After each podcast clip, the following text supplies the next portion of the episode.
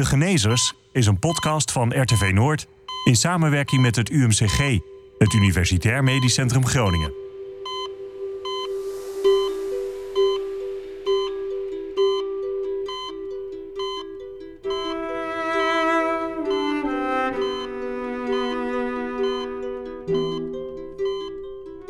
De Genezers is een podcast over ziekte en genezing, over dokters en patiënten, over methodes en ontwikkelingen in de medische wetenschap. Deze aflevering gaat over de gevolgen van licht traumatisch hersenletsel. Professor Joukje van der Naald noemt het de wereld op zijn kop. Voor de mensen of de patiënten die ik zie geldt dat binnen één seconde in je leven alles verandert.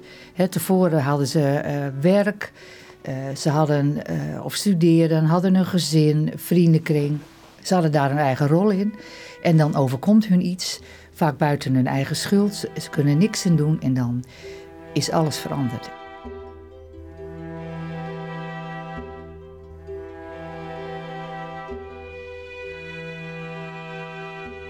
Ik beloof dat ik de geneeskunde zo goed als ik kan zal uitoefenen ten dienste van mijn medemens.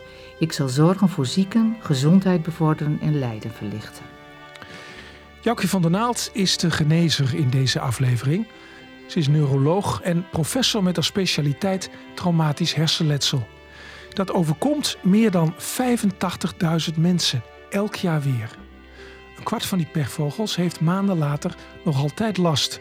Sommigen ondervinden jaren later nog dagelijks de gevolgen van zo'n klap. Zoals Manja van der Weijden. Ze was destijds journalist bij Radio TV Drenthe. Het was op een zaterdag of zondag, dat weet ik niet eens meer, uh, in 2010, uh, op de terugweg van een vakantie uh, van Italië naar Nederland. En het enige wat ik nog weet is dat ik afval in een afvalemmer wilde gooien en dat ik uit de auto wilde stappen. En dat Arjen, mijn man, ging koffie halen. En dat is het laatste wat ik weet. Kun je achteraf reconstrueren wat er gebeurd is? Nou, een beetje aan de hand van de kinderen die op de achterbank zaten. Die waren toen nog iets van zeven en negen of zo. En uh, die zeiden dat ik uit de auto ben gestapt en richting de prullenbak ben gelopen. En in één keer voorover knalde en met mijn gezicht uh, tegen een rotsblok aan ben gevallen. En uh, toen bleef liggen, een tijd. Het advies wat je kunt geven is denk ik dat je ze zo goed mogelijk probeert voor te lichten over het feit dat ze een hersenschudding of een hersenkneuzing gehad hebben. Dat daar klachten bij horen. En dat ze moeten kijken hoe ze hun leven weer oppakken. Dus je kunt ze daar adviezen in geven. Dat is de, de, algemene adviezen, denk ik. Ja. Tegen griep kan ik uh, uh, iets nemen waardoor ik me sneller beter voel. Mm. Dat kan niet bij dit soort letselen. Nee, maar je kunt natuurlijk wel... Um, vlak na het ongeval uh, kun je bijvoorbeeld een aantal symptomen bestrijden. Als je hoofdpijn hebt, kun je daar natuurlijk iets voor nemen. Mensen zijn in het begin, of zo noem ik het tenminste, ze kunnen niet zo goed filteren. Dus door de klap op hun hoofd um, kunnen ze zich minder goed concentreren op de wereld om hen heen. In je normale leven komen er een heleboel prikkels binnen. Je hebt geluid van buiten, je praat met elkaar, je wordt gestoord door anderen. Je denkt ondertussen ik ga koffie halen. En normaal krijg je dat voor elkaar. En als je een klap op je hoofd hebt gehad, kun je dat een tijdje niet. En ik noem dat niet kunnen filteren. Dat betekent dus dat je alles komt even hard binnen en je moet je dus ontzettend concentreren om de dingen voor elkaar te krijgen. En dat lukt meestal nog wel, maar mensen worden daar heel erg moe van. Ja. Dus dat betekent naast de klachten die je al hebt van dat je gewoon spierpijn hebt of hoofdpijn van de klap op zich, kost het je ook moeite om de dingen voor elkaar te krijgen. En daar word je heel erg moe van. En mensen zeggen dus ook dat ze in de loop van de dag bek af worden van alle prikkels die binnenkomen. Ja. Bijvoorbeeld als er mensen op bezoek komen, wat heel goed bedoeld is, ervaren ze dat soms als vermoeiend. Omdat praten en uh, met meerdere mensen tegelijk ook kan bijvoorbeeld alleen al vermoeiend zijn. Of geluiden in huis, of geluiden van de kinderen. Ja. En dat is voor de omgeving soms wat lastig te begrijpen. Ja. Ik ben wel op een gegeven moment inderdaad uh, naar het ziekenhuis gegaan. Uh, maar dat is een paar dagen later geweest. En uh, toen werd er in eerste instantie gezegd van... nou, je hebt gewoon een hele zware hersenschudding. Ehm, en uh, we, we, gaan wel een scan maken, maar dat is pas volgende week. En ehm, achteraf gezien had daar misschien eerder in uh, gehandeld moeten zijn. Want in die loop van die week ben, ben, ik wel iedere keer iets minder, ook met, met spreken. Merkte je dat zelf ook of alleen anderen? vooral anderen. En ook dat ik ehm, soms gewoon even weg was. Een beetje net alsof je er even niet bij bent. Ehm, maar het, het, is, het was niet meteen al heel duidelijk dat er echt schade was. Mhm. Ja, behalve dan wat er gezegd werd, een, een hersenschudding. Ja. Uh, en later uh, ben ik doorverwezen naar Groningen. Um, en toen zijn er ook allerlei testjes en alles gedaan. En toen bleek toch wel dat, er, um, nou, dat het waarschijnlijk een iets hardere klap was geweest dan wat wij dachten. Want wat uit die eerste scan wel kwam, was dat er een scheurtje in het uh, jukbeen zat. En um, er was uh, ook nog iets bij mijn voorhoofd, niet uh, helemaal uh, jovel. Ja. En er zat een witte vlek in, in de hersenen. En waar stond die witte vlek voor? Ja, dat is, niet, uh, dat is waarschijnlijk niet van de val zelf geweest. Maar dat kan wel bijvoorbeeld uh, iets zijn geweest waardoor je misschien wel. Uh... Maar wat is dat dan? Een kleine hersenbloeding geweest of zo? Ja, zeg het maar. Ik moet eerlijk zeggen, ik vind dat zelf ook nog steeds... We hebben neurologen die, dat, die daar verstand van hebben. Wat, wat zeiden die daarover? Nou, die zei alleen van, het is een, een, een wit vlekje. Daar is, uh, dat kan een keer inderdaad een klein uh, incidentje zijn geweest. Maar dat is niet gezegd dat dat bij dit ongeluk is gebeurd. Dat zou ook wel wellicht veel eerder zijn uh, plaats kunnen vinden... waardoor je, waar je helemaal niks van gemerkt hebt.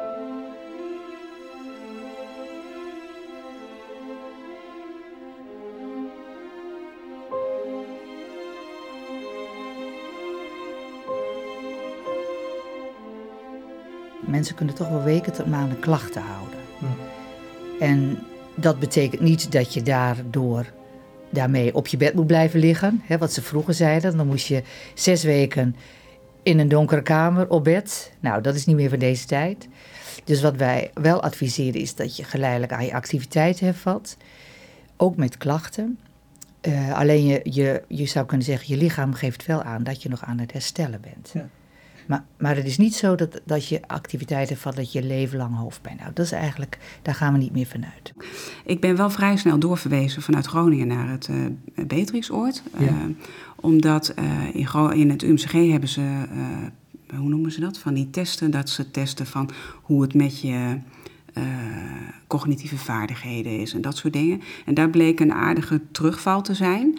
Dus uh, op grond daarvan is gezegd, we gaan je naar Beatrixoord doorsturen. En daar heb ik toen een heel revalidatietraject gevolgd. En wat hebben ze daar met je gedaan? Uh, dat was een soort van nieuwe pak van, hoe moet je dat zeggen? Uh, een nieuwe methode ja. op Beatrixoord. Ja, dat je, en wat hield dat in? Dat hield in dat je um, uh, zowel moest bewegen als uh, psychosociale therapie kreeg. Dus je ging praten met een neuropsycholoog. maar ook ging het ervan uit dat door meer te bewegen je herstel zou bevorderen. Ja. Um, en dat, dat deden ze bij met name hersenletselpatiënten. En nou, met mij waren er een stuk of drie, vier mensen die een beetje hetzelfde uh, verhaal hadden. Uh, en wij gingen dan uh, twee, drie keer in de week sporten. En je had een gesprek met een neuropsycholoog. En je kreeg nog, in mijn geval, psychomotorentherapie. En ehm, nou, volgens mij had ik nog iets anders. Ik, ging in ieder geval drie, vier keer in de week naar Beatrix Oort. Klinkt wel lekker dat er zo aan je herstel wordt gewerkt. Of, is dat, uh, of was dat juist niet zo? Op dat moment was dat niet zo. Uh, want het ging ook gewoon niet heel geweldig. Ik was uh, heel moe, heel veel hoofdpijn. en ik was gewend om op een hele drukke redactie te werken met heel veel mensen om me Want jij was journalist bij RTV Drenthe. Ja, klopt. Ik werkte als chef op een bureauredactie. Dus een soort van spinnen in het web. En daarnaast presenteerde ik en deed ik regie van grote programma's. En uh, uh, ik was eigenlijk gewend om honderdduizend dingen tegelijk te doen. En dat lukte dus niet meer. Ja. En dat, dat merkte je meteen al? Of, of kwam dat later pas toen je weer probeerde aan het werk te gaan? Uh, eigenlijk meteen al wel dat met name eh, geluiden, licht, drukte... Dat, dat kon ik meteen al niet meer dealen. Uh, dat merkte ik thuis ook wel. Bijvoorbeeld, uh, nou, kinderen hebben natuurlijk van die computerspelletjes of dat soort dingetjes. Nou, ik kon dat gewoon echt niet dealen. Uh, en ook gewoon dingen tegelijkertijd doen. ik heb eieren laten ontploffen. toen Hoe doe je dat trouwens? dat is gewoon het op het vuur zetten en niet weten dat het erop staat. Um, gas, wat vervolgens, waarvan ik niet weet dat ik het nog aan heb staan. Dat is echt gevaarlijk hoor, zo ja. iemand. Ja, nou, Ja. dat dus. Ja. Dat soort dingen overkwamen me eh, steeds eh, vaker. Eigenlijk ook omdat ik eh, als persoonlijkheid gewoon eh, de eh, nare trek heb om veel van mezelf te eisen. Ja. Ehm, en daardoor ehm, eh, continu over mijn grenzen ging. En hoe meer je over je grenzen gaat, hoe dieper je natuurlijk ook weer terugvalt in wat jou overkomen is. Omdat je gewoon. eh, Maar dat werd jou toch heel duidelijk verteld door de mensen die jou behandelden. Maar je was gewoon te eigenwijs daarvoor. ja, ja, en dat ben ik nog steeds wel in bepaalde opzichten.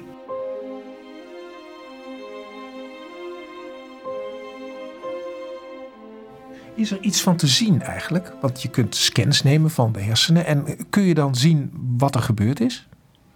Nou, soms wel. Soms kun je, eh, maak je een CT-scan van de hersenen direct op de dag van het ongeluk. En dan zie je afwijkingen. Maar als je bijvoorbeeld een licht traumatisch hersenletsel hebt, of- en wij noemen dat eigenlijk een hersenschudding, dan zie je bij de meeste mensen geen CT-afwijkingen. En je kunt dus ook niets zien aan de activiteit van de hersenen later. Dat dat op een of andere manier is beïnvloed door die schudding. Nou ja, dat, is, eh, dat kunnen we wel, maar dat is nog onderwerp van onderzoek. Ehm, we hebben een eh, aantal jaren geleden een heel groot onderzoek gedaan naar de gevolgen van licht traumatisch hersenletsel. En ja, we kozen juist voor die groep, omdat mensen die een ernstige letsel hebben gehad, die hebben vaak, die zijn herkenbaar. Die hebben meer letsels, die hebben CT-afwijkingen. Dus voor de omgeving is dat duidelijk. Maar meer dan 80% van de mensen loopt een heel licht letsel op. En een hele eh, belangrijke vraag is: hoe kan het nou dat de een na een vergelijkbaar letsel veel meer klachten heeft dan de ander? Nou, daarvoor hadden we dat onderzoek opgezet. Hebben meer dan duizend mensen meegedaan in Nederland. En daaruit bleek dat wanneer je bij mensen een aantal weken na een ongeval een fMRI-scan doet. En dat is een scan waarbij je de hersenactiviteit kunt meten als je ze een, eh, een, een denktaak geeft dan zie je dat eh, patiënten een aantal weken na het ongeval toch minder goed kunnen schakelen tussen verschillende her- hersennetwerken die betrokken zijn bij zo'n denktaak die je dan geeft. Dus dat was een belangrijke bevinding. Hè, want Het ondanks is dus niet inbeelding, je kunt het gewoon zien. ja, je kunt. ehm, je hebt dus aanwijzing dat er toch iets in de weken na het ongeval niet goed is in de, ja, zeg maar in de samenwerking van de hersennetwerken. We vonden wel dat het ook verdwijnt na drie maanden. En we vonden ook dat hoe langer na het ongeval, hoe meer ook andere factoren een rol spelen. Hè, mensen kunnen bijvoorbeeld ook door pijn angstig worden. Of ze kunnen somber worden doordat ze hun activiteiten niet kunnen hervatten. Dus het is eigenlijk een combinatie. Heeft er niet een psycholoog tegen jou aangepraat? Ja, maar over zoveel. Ja. En hielp dat niet? Nou ja, die zeggen wel inderdaad, je moet keuzes maken en je moet je grenzen eh, bewaken. Maar als jij ehm, nooit eh, hebt geleerd wat, wat je grenzen zijn, omdat je eigenlijk altijd alles wel kon, dan eh, kun je niet op je veertigste leren wat je grenzen zijn, voor mijn gevoel. Want dat zit niet in het systeem. en dat zit er nog steeds niet in. Ik kan nu nog steeds zwaar over mijn grens gaan en daar dagenlang last van hebben. Soms vinden patiënten een psycholoog direct eng klinken, omdat ze dan zeggen: Maar het, ik stel me niet aan, maar dat, dat is ook niet zo. Nee.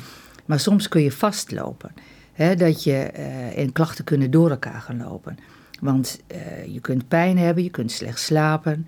eh, je kunt je daar ook eh, druk om maken of gefrustreerd raken dat je dingen niet voor elkaar krijgt.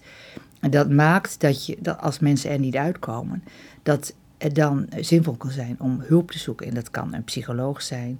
Het kan bijvoorbeeld ook iemand zijn die ze helpt met hun werk wat meer te structureren. Hè. Dus maar je moet in ieder geval dan wel hulp zoeken om je activiteiten weer kunnen hervatten. Ja. Dus mag je dan zeggen dat je er een soort kleine handicap hebt bijgekregen waar je mee moet leren omgaan? Ja, maar eh, dat omgaan kan ook tijdelijk zijn. Dus je moet niet zeggen van, goh, ik heb een handicap en daar moet ik mijn leven lang mee om blijven gaan. En soms kan het zijn dat je een aantal maanden toch weer eh, je leven weer op orde hebt.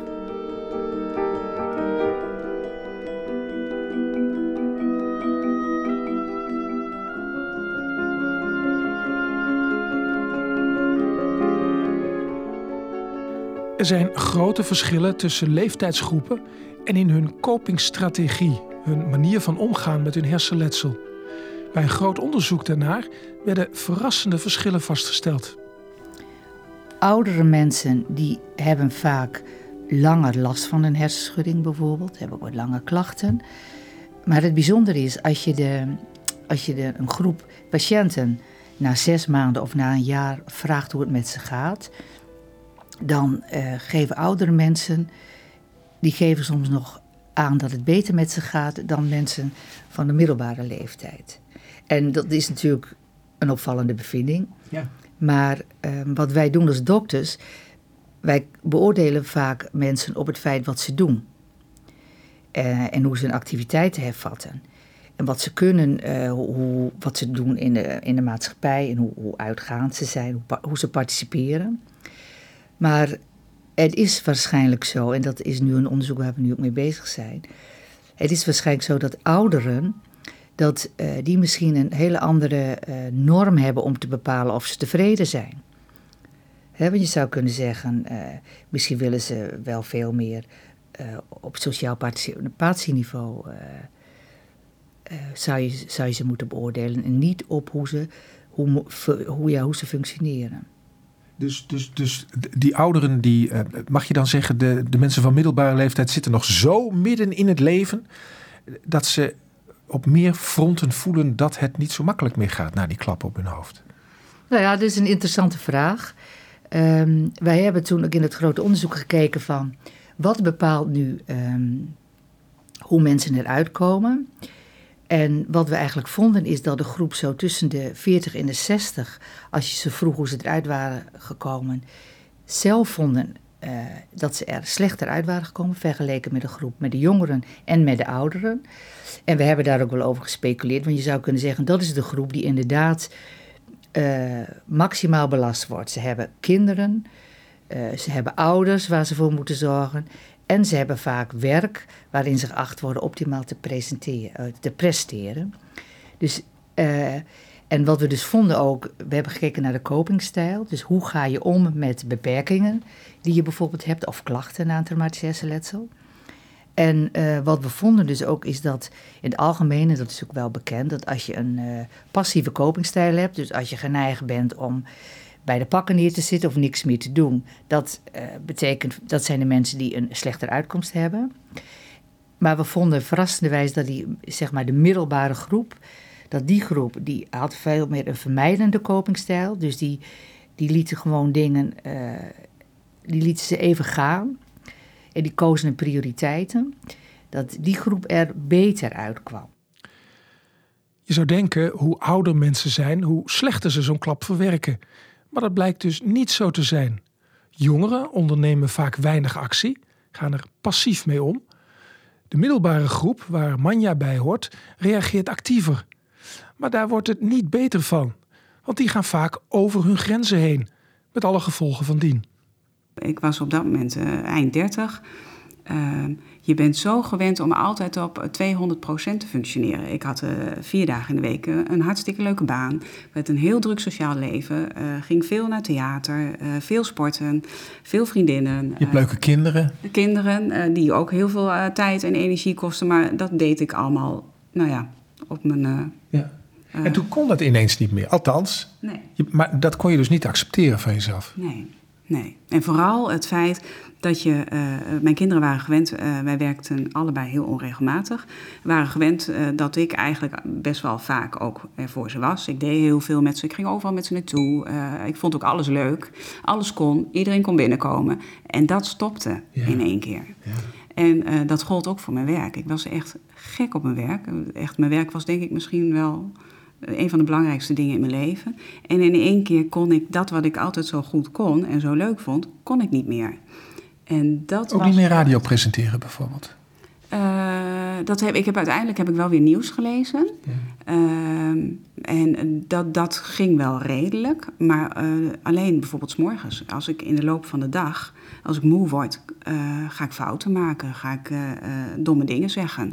Dus overal lever je op in. En ja. dat voelt natuurlijk heel heel zuur. Ja. En daar heb ik nog steeds heel veel moeite mee. Ja, nog steeds. Want we leven nu, uh, even zien, een jaar of negen na die klap. Of misschien wel meer, bijna tien. Negen, ja. En het is dus nooit, er is nooit een moment geweest dat je dacht van... nou, nou zit ik weer bijna op mijn oude niveau. Nee, want ehm, eh, ik heb op een gegeven moment wel gedacht van nou, eh, dat werk ging natuurlijk niet meer. Eh, dus ik ging ander werk doen. Dat kwam uiteindelijk niet heel goed uit. Dus ben weggegaan bij mijn vorige werkgever. Ben in een andere baan begonnen, bij een museum, op een communicatieafdeling. Want ja, dat was nou eenmaal wat ik zo leuk vond en goed kon. Maar dat was heel veel pieken en dalen en heel veel hoge werkdruk. En dan moeten presteren op het moment dat het net even niet ging. Dus ook dat lukte niet. Toen heb ik een tijd thuis gezeten. Uh, nou, Wat een rottijd, want ik bedoel, je verwijt het bijna jezelf hè, dat je dat niet kunt. Of je baalt er verschrikkelijk van dat je dat niet meer kunt. Ja, maar zo voelt het dan ook.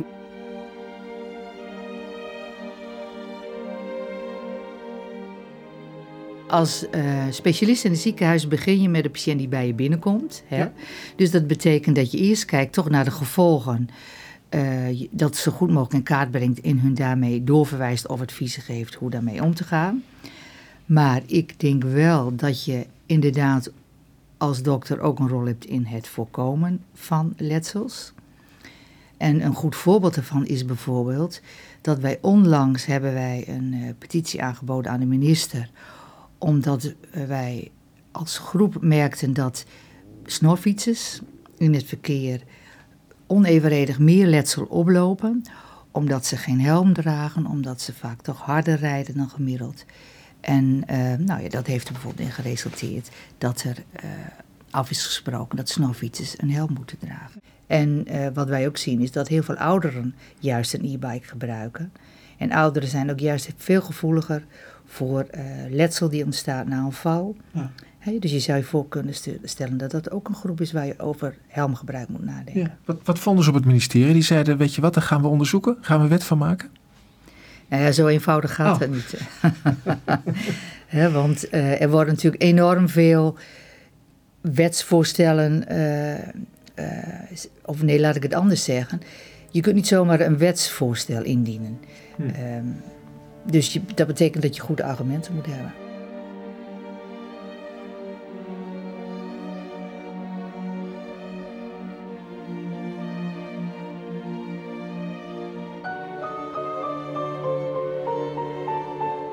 De cijfers zijn wat moeilijk uh, te duiden, maar in ieder geval weten we dat zo'n 85.000 patiënten per jaar een hoofdletsel overkomt.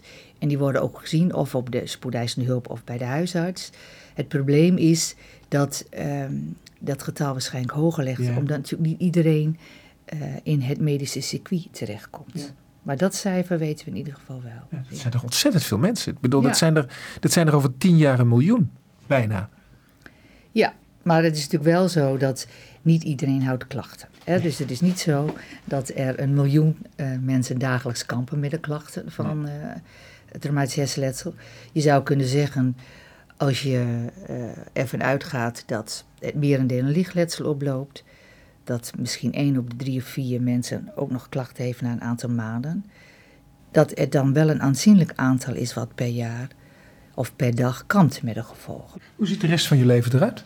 Hoe zie je dat voor je? Ik bedoel, ik, ik zit in jouw prachtige huis en we kijken naar de, naar de tuin en de zon schijnt en je hebt daar een leuke hond en ik heb net een leuke zoon van je ontmoet.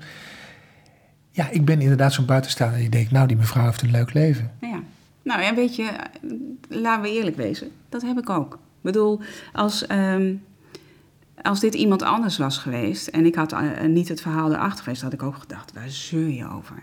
Echt, waar zeur je over? En dat vind ik zelf ook. We eerlijk wezen. Ik bedoel, ik heb ook een prachtig leven. Ik, heb, eh, ik heb hartstikke lieve kinderen. Dus eigenlijk is er ook weer een deel van jezelf dat zegt... ik mag hier niet zo over klagen. Ja. Zeur toch niet zo? Vooral dat, ja. Vooral dat. En ook het feit, dat, daarom eh, probeer ik dat soort dingen ook altijd heel erg voor mezelf te houden. Uh, omdat ik eigenlijk vind dat ik geen reden heb om erover te zeuren. En dat is... Uh, uh, hele goede vriendinnen van mij zeggen wel eens van... je moet ook af en toe dat wel zeggen. Ik denk, ja, ik wil geen zeur zijn. Ik wil niet iemand zijn die altijd loopt van... oh, ik ben zo moe en ik heb hoofdpijn en ik kan dit niet en ik kan dat niet. Ja. Dat, dat hou ik wel voor mezelf. Ja. Ik wil zo niet eindigen met dit gesprek. ik, ik zou het nog zo... Wat, wat, wat, staat er, wat staat er op de rol voor de komende jaren waarvan je denkt van nou dat gaan we doen en dat lukt mij ook en dat komt goed? Vooral, ik, ik, ik, kan intens van mijn kinderen genieten en dat ze het goed doen en dat ze het leuk hebben. En gewoon lekker reizen zou ik heel graag willen gaan doen. Ja. En, willen gaan doen? Ja, ja, dat... Uh, het klinkt nog niet alsof het ook gaat gebeuren. Nee, nou ja, met z'n studerende kinderen op een gegeven moment is dat een dingetje. Maar ehm, eh, dat is wel iets wat ik heel graag zou willen. En gewoon veel... ik heb heel veel leuke, lieve vrienden. Ik, ik, ben gewoon wel een gezelschapsmens. Ik heb mensen om me heen nodig. Dat is ook waarom ik het heel fijn vind om te werken. Ja. Ik moet niet dagen alleen ergens zitten. Ik wil gewoon leuke mensen om me heen. Daar word, daar word ik al heel gelukkig van.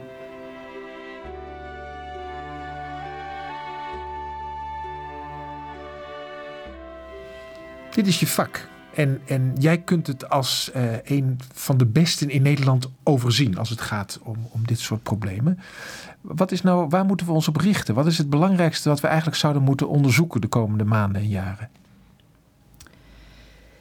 Ik denk dat je dat op twee manieren kunt bekijken. Je kunt zeggen van goh, we willen meer naar de mechanismen achter hersenletsel kijken. Wat, wat veroorzaakt nu meer schade? is dat bijvoorbeeld ehm, het vrijkomen van schadelijke stoffen tijdens een uh, hersenschudding? Is dat een onderregelde uh, herstelreparatie van de hersenen, waar tegenwoordig veel meer gegevens over bekend zijn?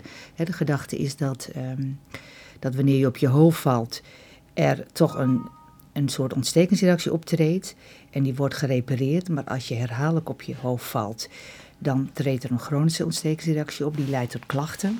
dus je zou je onderzoek daarmee kunnen richten. Ehm, je kunt ook naar patiëntengroepen kijken. Bijvoorbeeld ouderen vallen veel. Nou, daar zou hetzelfde mechanisme een rol kunnen spelen. Je zou je meer op sporters kunnen richten bijvoorbeeld. die ook herhaaldelijk overletsel oplopen. Dus ik denk dat, dat, uh, dat je daar meer naar zou moeten kijken. Dus enerzijds het ontstaan, maar ook ja, welke groepen overkomt het. En waar ga je jezelf op richten? daarop. ja, op, ik, waar ik me op ga richten is uh, op de ouderen, omdat ik denk dat uh, dat een belangrijke groep is. Uh, de, nu is één op de vier patiënten gezien op de spoedeisende hulp ouder dan 60 jaar. En dat zal in 2050 zo'n 40% zijn. Zo. En iedereen wil toch zo goed mogelijk gezond thuis blijven. Ouderen vallen veel, dus ik denk dat je daarop moet richten. En aan de andere kant ehm, ben ik zelf erg geïntrigeerd door het feit dat uh, door herhaaldelijk letsel aan het hoofd er ook uh, schade kan ontstaan. En, en die is dan niet meer te repareren hè, als, het, als het om meerdere keren gaat, of wel? Nou, dat, dat weten we nog niet, want we weten, we moeten nog goed uitzoeken welke oorzaak daaraan ten grondslag ligt. En je zou bijvoorbeeld uh, ouderen kunnen nemen die vaak vellen, maar je zou ook bijvoorbeeld naar sporters kunnen kijken die herhaald hoofdletsel oplopen. Om te kijken of je in die groep het mechanisme zou kunnen ja, achterhalen wat veroorzaakt dat je chronische schade op zou kunnen lopen. Deze podcast is gemaakt door Janneke Kruse en Marjolein de Winkel van het UMCG. Techniek Meralda Smit. Mijn naam is Pieter de Hart. Er zijn meer afleveringen van De Genezers.